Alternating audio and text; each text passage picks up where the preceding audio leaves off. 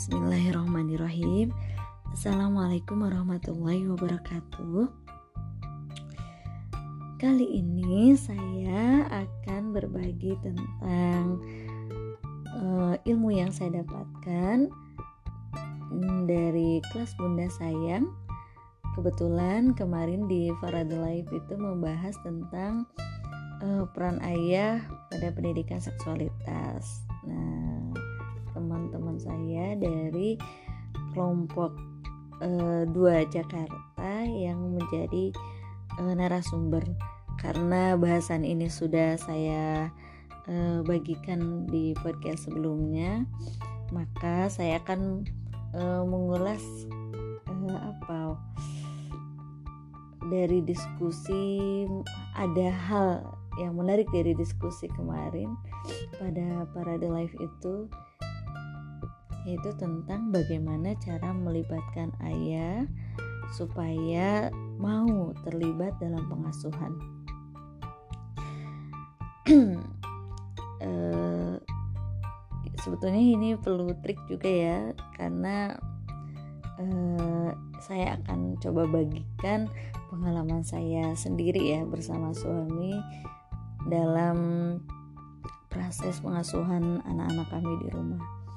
Nah, eh, dulu saya berpikir juga sepertinya eh, apa ya suami saya seperti tidak mau terlibat dalam pengasuhan bukan tidak mau ya kurang tertarik atau ya mungkin terjadi di kebanyakan ayah pada umumnya gitu. Karena uh, menurut berdasarkan informasi yang saya dapatkan kemarin di sesi kelas itu ternyata Indonesia itu memiliki urutan ketiga uh, pada les itu apa namanya kurangnya peran ayah dalam pengasuhan itu udah di urutan ketiga gitu berdasarkan survei ya. Um, tapi sebetulnya yang berdasarkan pengalaman yang saya alami itu ternyata uh, setelah saya ya setelah saya cermati ternyata suami saya ya terutama bukan berarti tidak mau terlibat sebetulnya tapi kebanyakan eh, barangkali ya menurut saya kebanyakan mungkin laki-laki itu juga bingung mau ngapain sama anak-anak gitu jadi memang karena barangkali sama kita juga sebagai ibu itu dulu saya merasakan gimana ya ini? E, harus bagaimana menghadapi anak setiap harinya? Itu juga saya kan memang tidak tanpa ilmu sebelum saya punya anak itu e, ya tidak pernah terpikirkan akan seperti ini gitu. Saya juga sama akhirnya ketika saya punya anak itu terdorong terdorong untuk mencari ilmu bagaimana dalam pengasuhan anak gitu Nah setelah itu kan jadi belajar Setelah belajar itu jadi sedikit demi sedikit tahu gitu terbantu. Nah barangkali buat seorang ayah karena memang eh, tidak tidak seperti kita seorang ibu yang kesehariannya banyak eh, bersama anak eh, apalagi ibu seperti saya yang memang full di rumah gitu 24 jam di rumah bersama anak-anak jadi tidak bekerja di ranah publik itu benar-benar jadi harus berpikir ya harus mencari ilmunya bagaimana menghadapi anak itu nah kalau suami mungkin karena memang uh, lebih banyak di di dunia kerjanya di tempat kerjanya jadi mungkin uh, sangat minim juga mungkin untuk pendidik uh, apa informasi parentingnya. Nah dari situ ya karena apa ya karena seorang ayah itu barangkali minimnya ilmu pengetahuan tentang parenting ya. Jadi memang hal yang pertama harus kita lakukan adalah belajar bersama. Jadi tidak cuman seorang ibu yang belajar tentang parenting tapi juga seorang ayah juga harus belajar parenting. Nah di sini jadi menarik. Dulu juga hmm, saya misalnya ketika apa ya meminta ke suami itu masih pakai kode-kode gitu. Dan itu tidak berhasil ya. Uh, apalagi apa ya minta langsung dimengerti kan juga. Laki, e, suami yang nggak akan selalu paham gitu. Jadi memang sebaiknya disampaikan e, disampaikan dengan cara yang benar juga nih ada beberapa tips yang akan coba saya bagikan. Kurang lebih ada 10 tips dan trik bagaimana e, melibatkan ayah dalam pengasuhannya.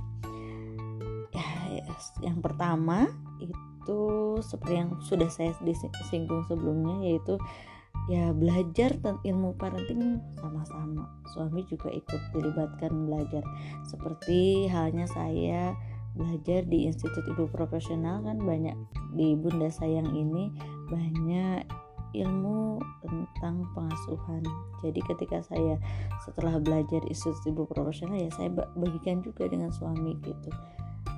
Namun eh, ketika ingin menyampaikan tentang ilmu parenting ini eh, jangan jangan sampai kesan yang disampaikan itu seperti menggurui karena memang fitrahnya seorang suami itu pemimpin. Jadi ketika menyampaikan jika terkesan menggurui ya biasanya ya juga tidak enak ya. Jangankan suami mungkin barangkali kita juga tidak nyaman ya kalau misalnya menegur menyampaikan sebenarnya kayak gini loh loh, loh gitu. Kalau menyampaikan dengan ya tentu saja dengan uh, dengan cara yang benar uh, dengan apa trik komunikasi produktif ya kalau yang saya lakukan di rumah itu biasanya membacakan saya membeli buku parenting uh, terus kemudian ketika suami saya sedang santai misalnya ketika bangun, bangun pagi gitu ya bangun subuh habis sholat berjamaah subuh itu uh, saya biasanya ambil buku bacakan dengan nyaring gitu ya. Saya bacakan uh, apa ya misalnya topik pengasuhan apa saya bacakan dengan baik jadi suami juga ya mengajak suami untuk mendengarkan begitu ya. Kemudian uh, ketika menemukan sesuatu ya saya juga langsung berkesimpulan oh ternyata begini ya ya. Ya duh bunda padahal masih begini. Jadi sebenarnya perlihatkan bahwa kita juga berproses gitu. Uh, misalnya jika tentang mengelola mengelola emosi gitu di dalam buku parenting itu. Jadi saya juga sampaikan ya Allah ya padahal bunda ini masih begini nih masih kekurangannya juga. Terus ya, ya biasanya suami langsung tertarik dan langsung tersenyum. Memang biasanya suami saya juga merespon iya ya memang perlu tantangan yang berat menjadi ibu itu dalam mengasuh uh, akhirnya ada diskusi yang apa namanya yang terjadi ketika setelah membaca membaca itu jadi ada bahan diskusi obrolan saya dengan suami. Kemudian yang kedua juga eh, apa bercerita itu di waktu ya di waktu yang tepat kemudian bahasa yang yang benar juga. Eh, mungkin bahasanya lebih ke bukan oh, ayah tuh kayak gitu loh kalau sama anak-anak mungkin bukan begitu. Tapi oh iya ya berangkat berarti kita besoknya harus begini ya. Gitu. Jadi bahasanya kita kita itu ya tidak bukan kamu atau aku gitu ya. Tapi wah kita berarti besok harus uh, lebih baik ya harus begini ya dengan bersama anak gitu. Itu akan terdengar lebih menyamankan sama kita juga perempuan pasti inginnya begitu ya tidak ingin tidak suka digurui ya. Uh, kemudian yang ketiga adalah ceritakan kebahagiaan kita dalam mengasuh. Nah ini benar nih. Jadi pengalaman saya dulu itu hmm, ketika suami saya pulang biasanya saya langsung mengeluhkan ih wah capek nih anak-anak ya Allah hari ini misalnya menguji banget dan apa namanya bener-bener melelahkan misalnya tuh mengeluhkan apa ya aktivitas bersama anak-anak gitu.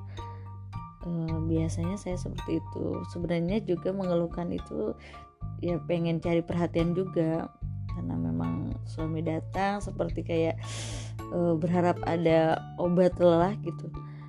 Tapi ternyata juga itu keliru suami saya tidak tidak merespon dengan yang saya harapkan begitu. Akhirnya juga ya apa ya jadi kurang produktif gitu pro, pro apa namanya komunikasi ya kami setelah jika saya menceritakan atau mengeluhkan hal-hal yang ketika suami pulang gitu atau ketika apa ya nggak langsung pulang kerja juga sih sebenarnya. Kadang kalau lagi santai gitu bicara mengeluhkan itu suami biasanya kurang begitu responnya kurang begitu ini ya kurang begitu sesuai harapan lah ya. Tapi ketika saya bercerita tentang kebahagiaan saya dalam membersamai anak-anak menceritakan perkembangan anak itu responnya malah suami seperti apa ya ikut berbinar gitu ya berbinar dengan uh, kebahagiaan kita ketika membersamai anak-anak gitu. Jadi saya ceritakan ke, uh, keseruan kami bermain peran lah kami membuat uh, suatu, project dan saya videokan gitu saya perlihatkan apa yang kami lakukan keseharian di rumah itu dan ceritakan apa perkembang yang menjadi perkembangan anak gitu. Uh, misalnya wah ini ya sekarang misalnya saya ini bercerita tentang anak yang pertama misalnya. Hari ini alhamdulillah Avan sekarang sudah uh, bersedia membacakan cerita ke adiknya gitu. Terus kemudian adiknya sudah mulai bisa uh, menuliskan huruf apa atau menggambar apa itu diceritakan ke suami. Jadi suami pun ikut berbinar gitu. Nah kalau misalnya ada rasa senang gitu biasanya suami saya langsung konfirmasi wah hari ini abang ngapain nih? Gitu. Atau adik adik gambar apa hari ini? Gitu suami saya langsung tertarik untuk menanyakan ke anak-anak. Berbeda ketika saya mengeluh. Itu sangat-sangat tidak berhasil. Jadi betul karena memang suami itu sudah di pekerjaannya sudah lelah ya banyak yang dipikirkan. Jadi ceritakan dulu yang membahagiakan. Baru setelah itu setelah suami saya senang gitu ya melihat kebahagiaan kita baru kita diskusi dengan hal-hal misalnya uh, saya juga ada misalnya apa ya ada hal yang perlu bagaimana ya menyikapi anak. Misalnya uh, Avan ini belakangan misalnya suka marah reaksi marahnya tuh uh, agak berlebihan gitu. Itu juga saya biasanya minta minta pendapat suami bagaimana harus menyikapinya triknya apa gitu. Saya biasanya meminta pendapat suami. Uh, namun setelah menceritakan hal-hal yang membahagiakan ya kemudian uh, yang kelima ya yang kelima ini uh, membuat visi misi bersama. Jadi uh, selain yang yang tadi sudah saya sebutkan sebetulnya ini harusnya yang pertama ya membuat visi misi pendidikan pengasuhan anak di rumah itu nah karena saya karena saya memutuskan dengan suami memutuskan untuk homeschooling nah ini saya mulai mulai buat ya sekitar ya satu tahunan lah ya satu tahun eh ya belak ya beberapa bulan yang lalu lah. Itu benar benar-benar terasa apa ya jadi seperti apa ya menjadikan kami lebih kompak sih. Karena sebelumnya sudah kami buat sih. Uh, mungkin ya di ya sudah coba membuat visi misi tapi uh, saya suami saya di awal-awal saya ajak itu saya sampaikan bagaimana kalau anak kita kita punya visi misi pendidikan anak ini seperti ini? Gitu. Karena saya juga masih canggung gitu ya ajaknya gimana waktu itu ya waktu awal-awal saya bekerja berarti dua tahunan yang lalu lah ya. Oh iya suami saya sepakat gitu ya. Tapi tapi nah eh, belakangan ini saya buat kembali karena kami memutuskan homeschooling itu saya buat lebih serius gitu ya. Saya langsung benar-benar melibatkan suami. Ayah ayo kita bikin visi misi pendidikan anak bagaimana apa sih yang harus kita lakukan? Tujuan apa tujuan kita itu seperti apa gitu terhadap anak-anak kita. Dan itu benar-benar merasa apa ya ketika diskusi tentang tujuan apa yang menjadi misi kita itu itu benar-benar saya sama suami itu merasa ada bonding yang kuat. Uh, akan harapan-harapan anak kita ke depan gitu anak-anak kami ke depannya seperti apa nah di situ juga suami saya uh, ketika menyampaikan harapannya saya tuliskan begitu ya. Setelah visi misi itu kita buat benar-benar suami saya jadi benar-benar terlibat gitu. Uh, setelah itu lanjut ya saya saya pun uh, yang jadi lanjut yang keenam ini uh, membuat kurikulum bersama. Diajak suami itu terlibat gitu ya. Ternyata dari awalnya visi misi yang poin yang keenam ini benar-benar dilibatkan. Jadi saya ketika memang mau membuat uh, rencana bermain gitu ya membuat menu bermain untuk anak-anak saya biasanya ya kali ini poin penting apa nih untuk menumbuhkan karakter baiknya anak? gitu ya. Misalnya oke okay, uh, di minggu ini kita akan fokus untuk membiasakan habit apa nih? Habit trainingnya apa untuk anak-anak? Uh, atau karakter baik apa yang akan kita latih nih di uh, di di minggu ini atau di bulan ini? Itu benar-benar jadi kerja sama sama suami. Ya kami jadi seperti bertumbuh bersama gitu dalam pengasuhan ini. Karena memang untuk membaikkan anak ya kami yang harus pertama itu ya memantaskan diri untuk menjadi contoh buat anak-anak. Selanjutnya yang ketujuh itu juga kami membuat uh, family project gitu ya. Itu benar-benar menguatkan uh, bonding antara ayah dengan anaknya. Uh, seperti family project yang pernah kami buat itu kami pernah membuat um, apa namanya? Uh, gunung meletus itu ya percobaan gunung meletus itu. Jadi suami saya membuat apa namanya uh, gunungnya dari bahan apa adonan gitu. Kemudian juga saya membuat uh, racikan bahan lavanya nah Afan menatanya sama Nala gitu ya.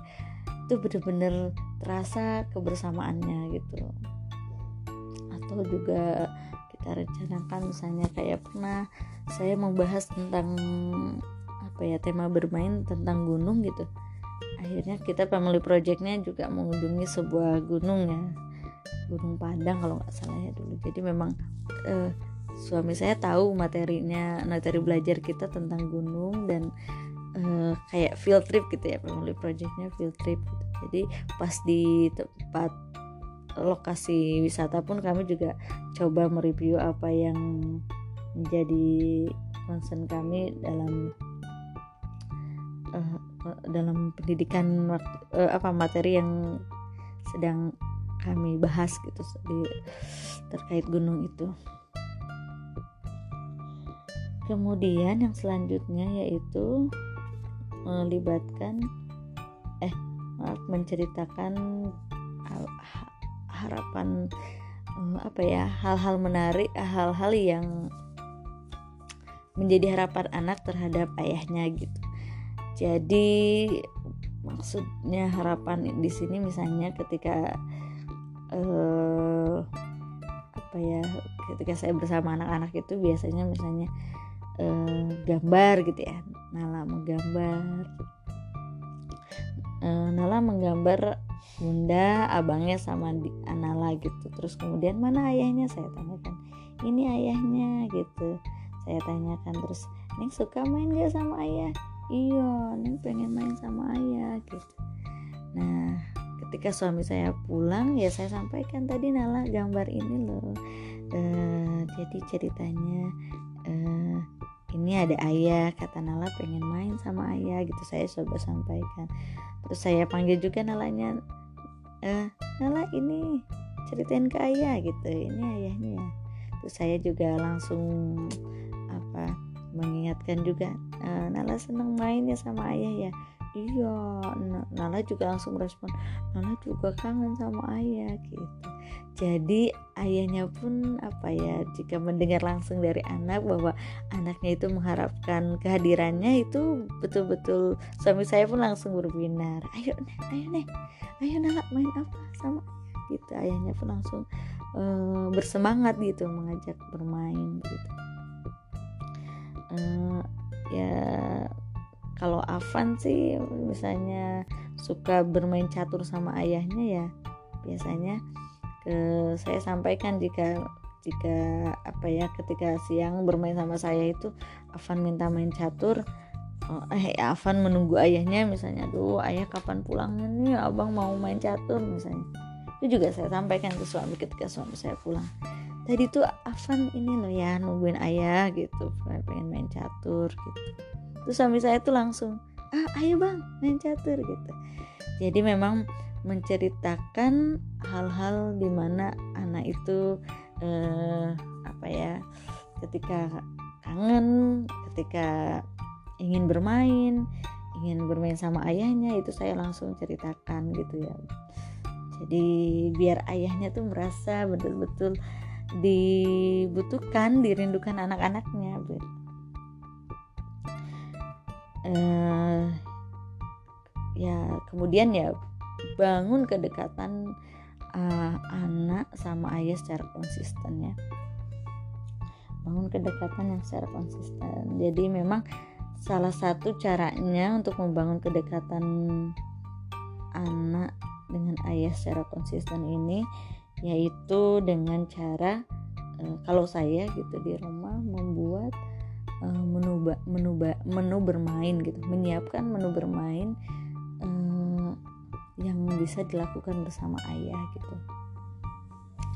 Jadi misalnya saya menyiapkan menu bermain apa nih? Jadi ke suami saya uh, ya ini nanti teman main yang ini gitu. Jadi suami saya punya persiapan gitu ketika sama sama anak-anak tuh oh iya sudah ada alat dan bahannya tinggal mengajak bermain sama anak-anak gitu.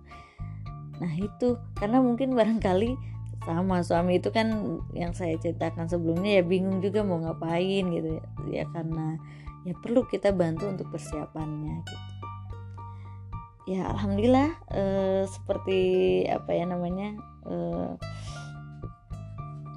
akhirnya suami saya pun juga siap menemani anak-anak ketika memang sudah ada persiapan. Ya kita bantu karena memang keterbatasan waktu keterbatasan ide juga karena perlu pembiasaan kan untuk untuk uh, apa per, untuk menemani anak bermain itu perlu kesiapan juga gitu itu uh, untuk yang tidak terbiasa ya terutama suami gitu kalau kalau kita mungkin sudah kalau ibu mungkin karena sering bersama anak ya banyak juga permainan yang bisa dilakukan spontan. Tapi berbeda mungkin dengan suami yang tidak sering tidak terlalu sesering kita gitu ya akan bingung juga mau harus mau ngapain. Nah begitu itu tips dan trik yang berdasarkan pengalaman saya. Coba saya review kembali ya. Yang pertama itu saya susun ya. Yang pertama itu membuat visi misi pendidikan bersama suami sama-sama. Yang kedua belajar ilmu parenting bersama dengan cara membacakan bukunya secara nyaring kepada suami gitu ya jadi uh, kita yang bacakan seorang ibu kemudian kemudian bisa didiskusikan bersama. Ketiga itu menggunakan kalimat yang ter, tidak terkesan menggurui. Jadi bahas menggunakan bahasa kita ya. E, bukan kamu aku gitu ya. Kemudian yang keempat e, sampaikan di waktu yang tepat jadi menyampaikan di waktu yang tepat. Jadi jangan suami ketika lelah langsung menceritakan keluhan-keluhan tapi kita eh, biasakan bercerita di waktu di mana suami juga sedang sedang istirahat dalam posisi nyaman. Jangan banyak lagi banyak kerjaan dan kondisi lelah ya. Kemudian yang kelima ceritakan kebahagiaan kita dalam mengasuh anak-anak dan e, perkembangan yang baik terhadap anak. Kemudian eh, perkembangan yang baik sebelum kita sebelum kita mengeluhkan sesuatu ceritakan yang bahagia dulu ya intinya.